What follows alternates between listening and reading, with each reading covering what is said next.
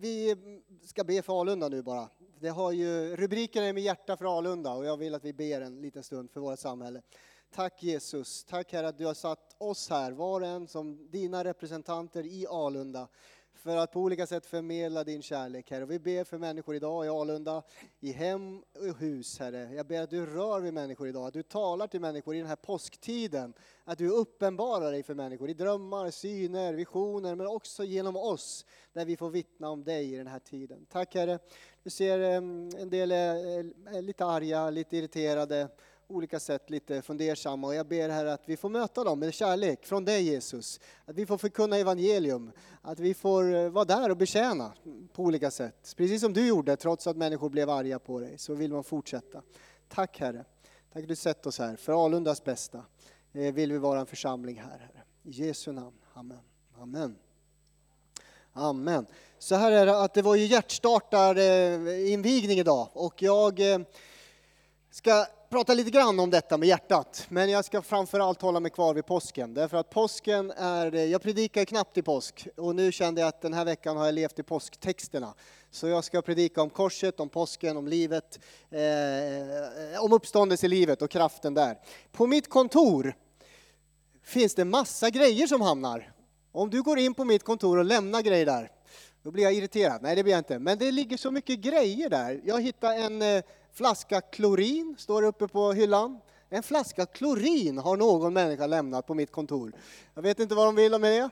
Jag hittar Lucia-kronor, det är väl bra att de är där så vi vet vad den är. Flaggor av alla de slag hamnar på kontoret. Eh, lamporna som någon elektriker här inne ska sätta upp på multiarenan, de är på mitt kontor. Lådor är på mitt kontor.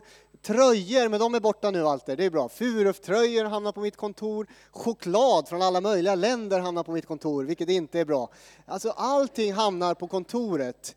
Eh, och så en dag så ser jag att det är en liten låda på kontoret och jag undrar vad detta är. Och då är det en liten plastig sak och jag tänker, vad är det där? Och den är där i flera månader, ligger där på, ja faktiskt, ja, i varje fall två månader borde den ha legat där på golvet. Och då visar det sig, det dröjer länge när jag fattar vad det är, men det är hjärtstartaren. Nu hänger den där. Nu har jag fattat vad det är för något. Men den legat på mitt kontor. Vad jag försöker säga är så här, en sån här hjärtstartare som jag ser på kontoret, jag fattar inte vad det är. Jag har sett på film när man startar hjärtan. Jag vet inte om, det blir jättespännande idag hur man gör. För ja, där ser man liksom, det är plåt mot varandra och de, det är, kropparna hoppar ju till och det händer ju massor. Det är väldigt dramatiskt när ett hjärta ska startas. Och så ser jag den där lilla plastlådan som är som en liten förbandslåda. Vad kan den göra för nytta? Det ska vi få lära oss idag. Eh, det här har inget så mycket med predikan att göra, jag vill bara säga att eh, kul att den är på plats nu.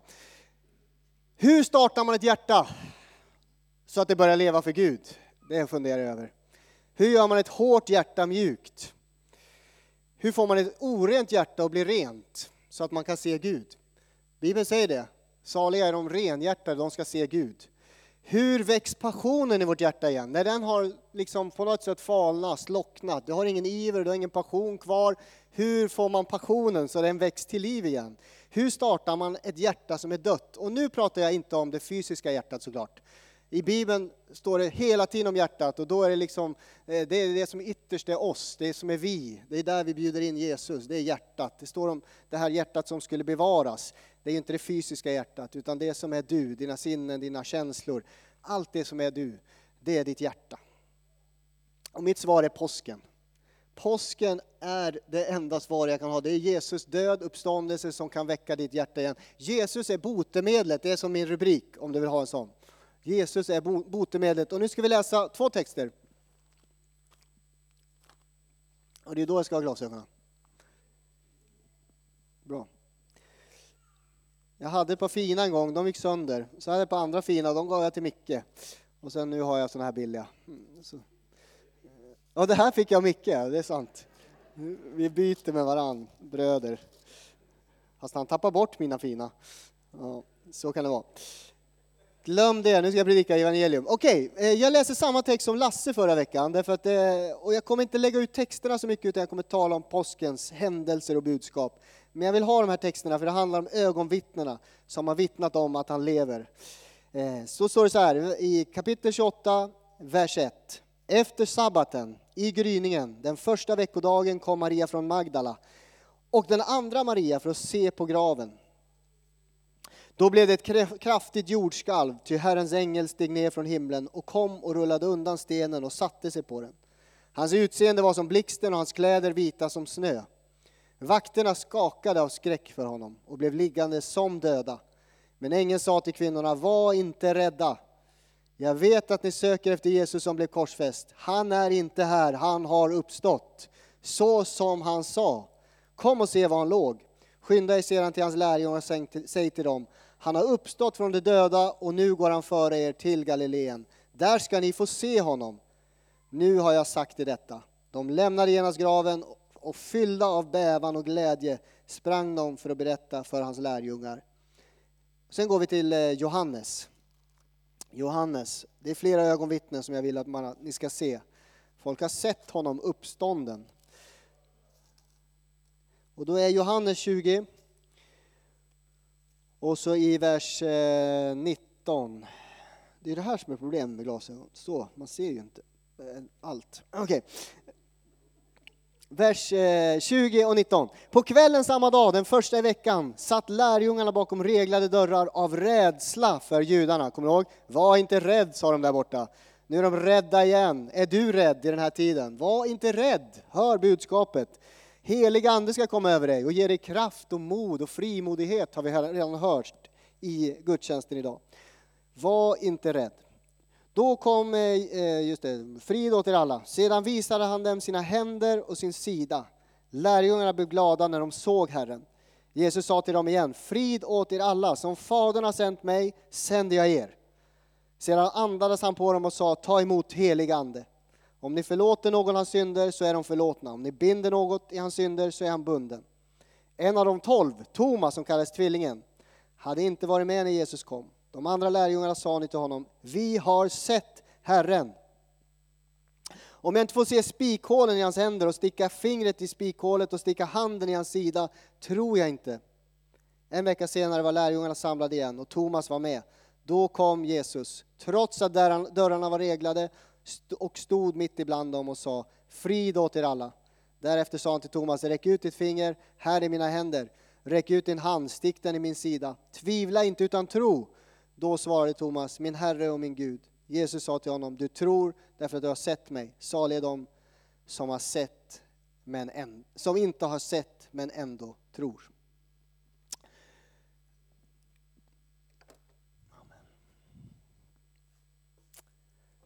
Han är inte här. Han, säger ängeln när kvinnorna kommer till graven, han är uppstånden, han lever. Ni vet så här, alla andra religiösa, politiska, alla kända människor du känner som har blivit gamla, de dör och de är begravda. Jesus Kristus, han är inte längre i graven. Vi var där för några månader sedan, vi kollade upp graven. Jag orkar faktiskt inte ens gå in, för jag visste ju att han var uppstånden. Men flera av mina, de som reste med mig, de skulle in och se graven, såklart. Men du vet, han är inte där, han är uppstånden, han lever. Jag var för lat, jag orkar inte stå i kö. Det var därför. Eh, I varje fall, Petrus, han vittnar om detta i Apostlagärningarna 2. Jesus, säger han så här, Jesus har Gud låtit uppstå och vi kan alla vittna om detta. Alla lärjungar har sett honom uppstånden. Eh, mer än 500 personer på samma plats ser den uppståndne Jesus. Det är så många som vittnar om att han lever och är uppstånden. Maria från Magdala, hon vittnar och säger, jag har sett Herren. Hon har sett honom. Han som var död, graven är tom, hon har sett honom och hon vittnar om detta. En del påstår att han inte var död. Det finns ju teorier. Han var aldrig död, säger de. Han har tagit sig ur graven trots att han blev slagen brutalt, trots att han var sliten, trots att han var så sargad, korsfäst, stucken i sidan, så har han av någon anledning tagit sig ur graven, rymt och, och lurat hela världen. Det är en del som har den teorin. Andra säger att han blev stulen, hans kropp, lärjungarna stal kroppen, gömde den och säger att han är uppstånden.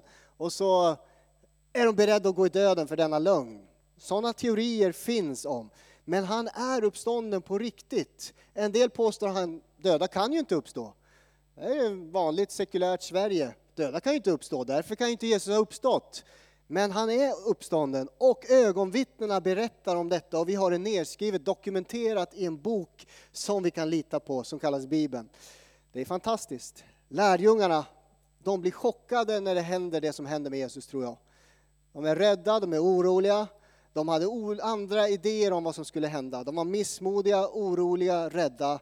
De förväntade sig att Jesus skulle kasta ut romarriket, makten, han skulle ta makten där och allt förtryck som judiska folk hade upplevt, det skulle liksom skingras på något sätt och de skulle få leva i frid och frihet. Nu är han korsfäst på korset och de är chockade, tror jag, och deras hjärtan krossas.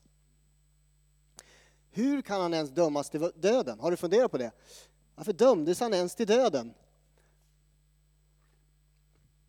Vad hade han gjort för fel? När jag läser evangelierna, vilken fantastisk människa. Varför vill man ens hänga upp honom, spika fast honom på ett kors? Han är helt... Det finns ingen som Jesus, det har jag pratat om så många gånger. Det finns egentligen två anklagelser. Det första är att han döm, vill, de vill döma honom enligt judisk lag. Han har hädar och påstår sig vara Gud. Det här är viktigt för oss som kristna. En del säger att eh, Jesus säger aldrig att han var Gud. Jo, han gör oerhörda anspråk på att vara Gud. Han säger inte att han liknar Gud, är en halvgud, kanske Gud. Han gör anspråk på att vara Gud själv. Det är därför judarna vill döda honom. Enligt judisk lag så skulle han ju stenas. Och så står det så här, lyssna, Johannes 14.9. Den som har sett mig har sett Fadern. Om du har sett Jesus i bibeltexterna, i ordet, om du läser där och förstår vem Jesus är, då har du sett Gud själv. Så, sådana anspråk gör Jesus. Johannes 8.58. Jag säger er, jag är. Och jag var innan Abraham blev till. Abraham var 2000 år tidigare. Han påstår Jesus, han var innan Abraham blev till och han använde Guds namnet Javé, jag är. Han gör anspråk på att vara Gud. Johannes 10.30, jag och Fadern är ett. Kan man bli närmare? Judarna ville döda honom och så säger Jesus så här, på, vilka, på grund av vilka goda gärningar vill ni döda mig? Säger Jesus, bra fråga Jesus, bra Jesus tänker jag. Vilka goda gärningar får er att vilja döda mig, säger han till dem. Och, Jesus, och de säger så här, det är inte på dina goda gärningar vi vill döda dig, det är för att du gör dig själv till Gud. De har förstått att han gör anspråk på att vara Gud. En liten eh, sidnot i den tid vi lever i just nu på grund av all den kritik vi får. Så här är det. Det spelar ingen roll hur mycket goda gärningar du gör. Ett litet fel eller någonting som inte gillas så kan du få massor emot dig. Jesus, han gjorde hur mycket gott som helst, botade sjuka, uppväckte döda, tog hand om de svaga, hade förbarmande, umgicks med prostituerade, med syndare. Han var bland människor och han brydde sig om dem, han älskade dem. Han tog sig an även fariseer faktiskt. Eh, och ändå när de inte gillar det han säger så blir han korsfäst. Alltså någonstans, goda gärningar, fortsätt göra dem ändå. Trots att ibland får man människor emot sig. Gå vidare.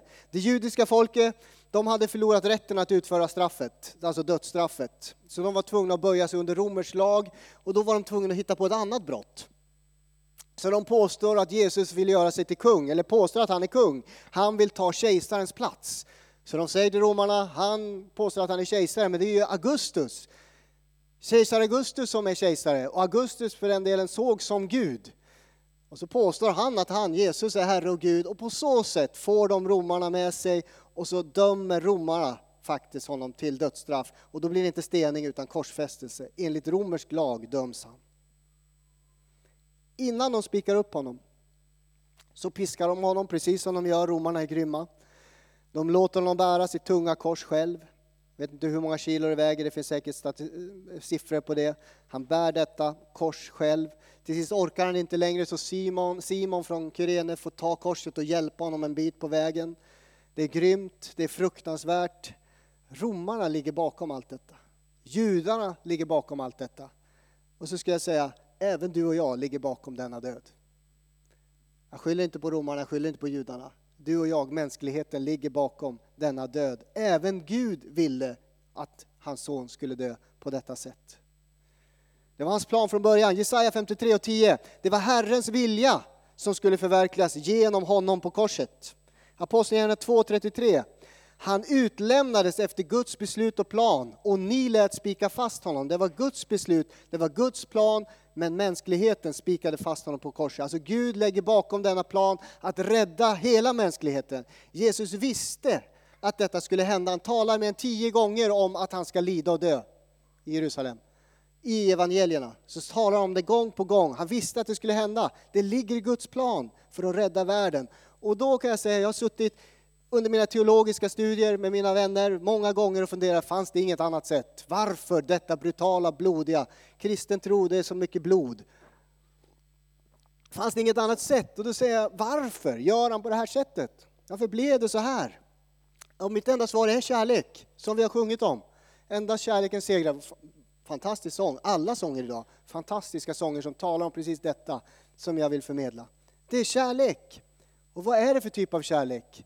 Jo, Romarbrevet 5.8 står det så här, men Gud bevisar sin kärlek för oss. Romarbrevet 5.8, memorera det här bibelordet. Gud bevisar sin kärlek för oss genom att Kristus dog för oss medan vi ännu var syndare. Vi tillhör en mänsklighet som syndar, som vänder oss bort från Gud, som har skräp i våra liv. Men Kristus dör för oss trots att vi är syndare, medan vi ändå är syndare. Och han bevisar att han älskar dig och mig och den här världen och Alunda så mycket. Första Johannes 4 och 10, memorera den här bibelversen. Detta är kärleken, inte att vi, att, att eh, vi har älskat Gud, utan han har älskat oss och sänt sin son som försoningsoffer för våra synder. Vi tror att vi är bra på kärlek. Gud är bra på kärlek. Han offrar sig själv för oss och sänder sin son som försoningsoffer. Någonting behövs för att försona dig med Gud. Och det är han som tar det på sig. Han tar din synd på sig på korset och dör din död, uppstår till att ge dig liv. Gud älskar människor så mycket att han gör upp en plan för att rädda oss, rädda oss från synd. Han offrar till och med sin son för oss. Graven kunde inte hålla honom. Dödens grepp var inte för evigt. Han uppväcks på, det, på den tredje dagen. Han uppstår i triumf över död, synd, över djävulen. Och detta är goda nyheter för oss som tror och bekänner honom som Herre. Att han har makt över död och liv. Jag menar, vi eh, har synd i våra liv och han har tagit synden. Vi kan bli fria. Vi är rädda för döden. Jag har levt med dödsfruktan flera gånger i mitt liv. Min pappa dog när jag var liten bebis. När jag var sex år började jag reflektera över detta. Vad är det med död egentligen? Fruktansvärt. Jag var rädd för döden. Jag möter Jesus och så kan jag liksom känna, jag behöver inte känna fruktan för döden längre. Det finns ett liv efter döden. Det är så viktigt att du har det förankrat i ditt liv. Vissa, visshet i ditt liv. Att han har makt över din synd, över din död och han ger dig liv. Vi blir räddade, vi blir förlåtna, vi blir försonade med Gud. För att kunna ta emot det här måste man förstå mänsklighetens natur, hur vi är funtade. Vi är förlorade. Jag har inget roligare budskap, men vi är förlorade. Vi är eh, syndiga. Jag är syndig. Vi är en del, det är inte vad världen förkunnar. Det är inte vad du läser på sociala medier. Det är inte vad du får höra på Facebook. Vet du vad man gör på Facebook? Där är det självbekräftelse som gäller. Där bekräftar man varandra hela tiden. Man bekräftar att allt är väl, allt är väl, du är bra. Man lägger ut hela tiden. Konversationen skulle jag kunna säga, den går så här. Du är du och jag är jag, du är okej, okay, jag är okej. Okay. Nåde dig om du skulle säga att det är något fel på mig. Det gör man inte på Facebook, det är bra. Eller hur? Eh, vissa blir utsatta, men inte andra. I varje fall, glöm det, jag är inte bitter. Eh, Alltså, du identifierar ditt liv eh, själv. Ingen annan ska säga vem du är, eller hur? Så är det ju eller vad du vill vara. Du är helt fri. Jag ska snart sluta, ni, kan, ni behöver inte vara nervösa, jag ska lämna Facebook snart. Men du vet, alla måste hänga på och säga vad du tycker om dig själv, eh, annars så trycker du ner dem. Vi måste bekräfta varandra och säga allt är väl. Det är någon form av självbekräftelse. Bibeln är inte sån. Allt är inte väl. Allt står inte rätt till med oss. Allt står inte rätt till i Sverige. Det är inte väl. Alltså kolla hur många människor som tar livet av sig. Det är fruktansvärt. Psykisk ohälsa, det är fruktansvärt. Skjutningar, det är fruktansvärt. Oro som människor känner, det är fruktansvärt. Det är inte väl med oss. Känslan av meningslöshet ökar, säger de nu. På bara 20 år, det ökar. Man känner att det finns ingen mening med livet. Alltså, någonstans är det ju inte väl med oss. Då räcker det ju inte att säga, men du, du, det är bra, det är okej, okay, var som det var. Det är bra att lyfta varandra såklart, det är inte det jag säger. Men någonting är fel. Och det beskriver Bibeln som synd. Vi går emot Gud. Det finns så mycket av skam, så mycket av skuld i den här världen. Och Gud vill att vi ska höra hans röst i den här tiden. Hans röst är full av hopp, av förlåtelse, av mening. Alltså Jesus är svaret för varje människa, för dig, för mig. Frid i hjärtat har jag därför att jag har frid med Gud, inte för att jag har frid med alla människor i den här världen. Vill du ha frid i hjärtat så är det för att du faktiskt har tagit emot Jesus och fått frid. Står det inte så?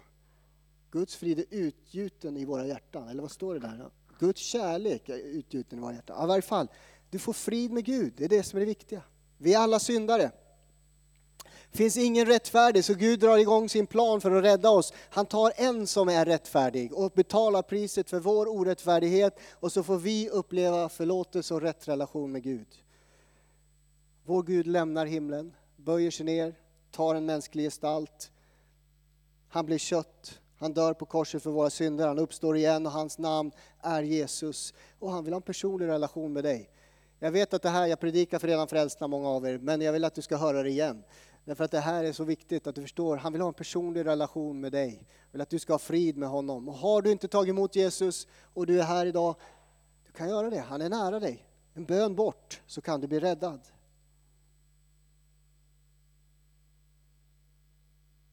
Redan på korset utväljer han dig. Han har dig i tanken när han hänger på korset. Det berättas att Jesus han besökte Simon den spetälske strax innan han dör, samma vecka som han ska dö. Vad gör han hemma hos en spetälsk, tänker man. Ja, han hänger på korset sen några dagar senare och då har han Simon den spetälske för ögonen. Den sårade, den svage som ingen annan ville vara med. Det är för honom och henne som Jesus dör. Sån är vår Gud. Full av hopp, full av liv. Och du kan få möta honom, få förlåtelse, få en relation med honom. Det är som är påskens budskap och då börjar det hända något i hjärtat. Jakob 4.14 står det så här, eller beskriver våra liv så här, som en dimma som syns en kort stund och sedan försvinner. Det är ditt och mitt liv. Du vet när man åker på morgonen till jobbet tidigt, det är fint, det är dimmigt, eh, eller så här, ja, fin, ja, dimman kan ligga så här lite fint, men efter några timmar så är den borta. Så beskriver Jakobs brev våra liv. Du har så kort liv, så kort tid här på jorden. Jag är 45 år nu. Jag börjar, nu börjar jag fatta det här. Oj, det går fort här. Det rullar på.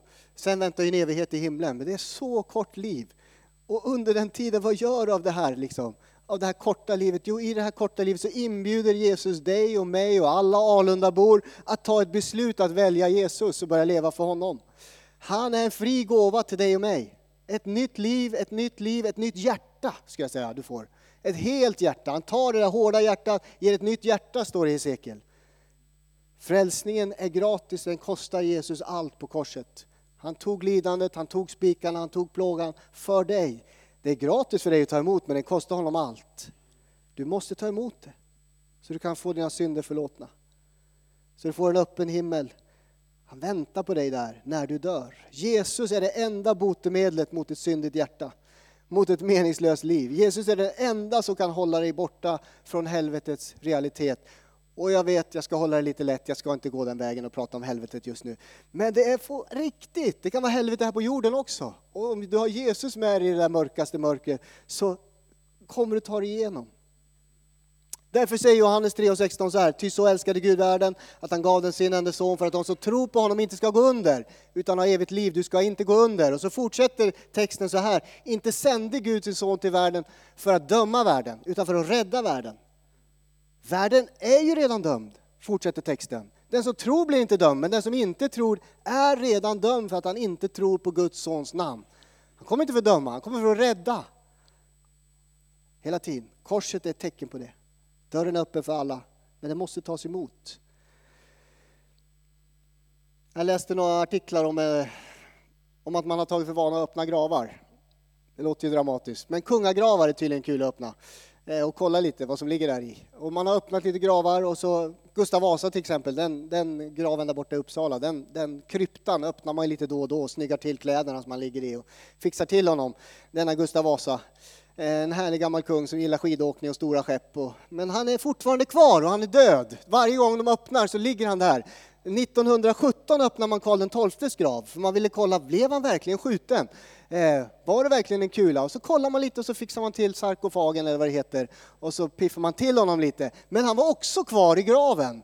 Eh, varje år det åker tusentals människor till Israel, och försöker, utom jag då, orkar inte köa. Så står man där vid graven och tittar. Eh, är han kvar? Nej, han är inte kvar, därför att Jesus är uppstånden. Han lever. Och så kan han komma till dig och mig och möta dig i vilken situation du än är. Bryta allt destruktivt, allt mörker, allt hat, allt synd som du har i ditt liv, all Guds, äh, dödsfruktan. Och så kan han ge dig liv och liv i överflöd. Det är en sån Gud som vi tror på. Han hänger inte där, han är uppstånden. Och så tar han dig hela vägen ända hem till himlen när du dör. Du kan vara starkt, tryggt förvissad om detta. Hur väcker man, jag frågade i början, hur väcker man hjärtat igen som har blivit hårt för evangelium? Ja, man hör ju förkunnelsen såklart och så läser man ordet. Du kommer inte få ett väckt hjärta av Facebook eller sociala medier. Du läser ordet. Stäng ner det där en tid, fasta från den en tid. Läs Bibeln. Varje gång jag läser, Eh, inte varje gång, nu överdrev jag verkligen, men väldigt ofta när jag läser så växer jag av kärlek till Jesus, som glädje över att jag är frälst och hans barn. Så läs ordet istället, så väcks passionen igen. Gå på gudstjänst, gå, la, eh, lev i bön. Och så ser man upp på korset och förstår vad Jesus har gjort för oss. Och så tar man emot honom igen, på nytt i sitt liv. Och så märker man, yes, jag lever inte själv, Jesus lever i mig. Kristus lever i mig. Amen. Det vill jag förmedla idag till er. Nu ber vi en bön. Tack Herre. Tack Jesus. Tack för korset, tack för påsken, tack för livet i dig Herre. Tack att graven är tom, tack att du inte ligger där som eh, bara skelett. Tack Jesus att du inte blev bortrövad och du vart inte, lura inte världen utan dig på riktigt Herre. Vi har mött dig, vi är ögonvittnen till vad du har gjort. Precis som Thomas, precis som Maria Magdalena där. Tack Jesus att det är så många som har sett dig i uppstånden och vi har mött dig och din kraft i våra liv. Jag ber att den kraften ska bli ännu tydligare, ännu synligare, ännu mer av din kraft i våra liv. Eller mer att vi förstår att vi vandrar med dig. När saker slår emot oss, när pilar skjuts emot oss, så är du vår sköld, vår skärm, vår beskydd i den här tiden, Herre. Tack för livet med dig Jesus. Tack att det är det bästa, mest meningsfulla livet som finns. Tack att vi har dig Herre. Och tack att du kan dra människor upp ur fördärvets grop, ur dyn där man hamnar, ur gyttjan, ur mörkret Herre. Så drar du än idag människor upp ur detta och ger oss nya liv Herre. Tack Jesus. Tack Jesus. Tack för livet med dig Herre. Tack att du valde att gå den här vägen för vår skull Herre. Tack för syndernas förlåtelse, tack för ditt försoningsoffer, tack för din ställföreträdande död Jesus. Du dog i vårt ställe. Tack Fader. Vi är så tacksamma Jesus. Tack för Alunda, tack för den här bygden. Låt dem få höra om dig Jesus. Låt dem få höra om Jesus som vi sjöng. Låt oss liksom få höra hela tiden om hur underbar du är, hur god du är Herre. Jag ber att vi ska vara så förankrade i dig och ditt ord så vi känner frid i hjärtat i den här tiden. Herre. Tack Jesus för att du är här. I Jesu namn. Amen.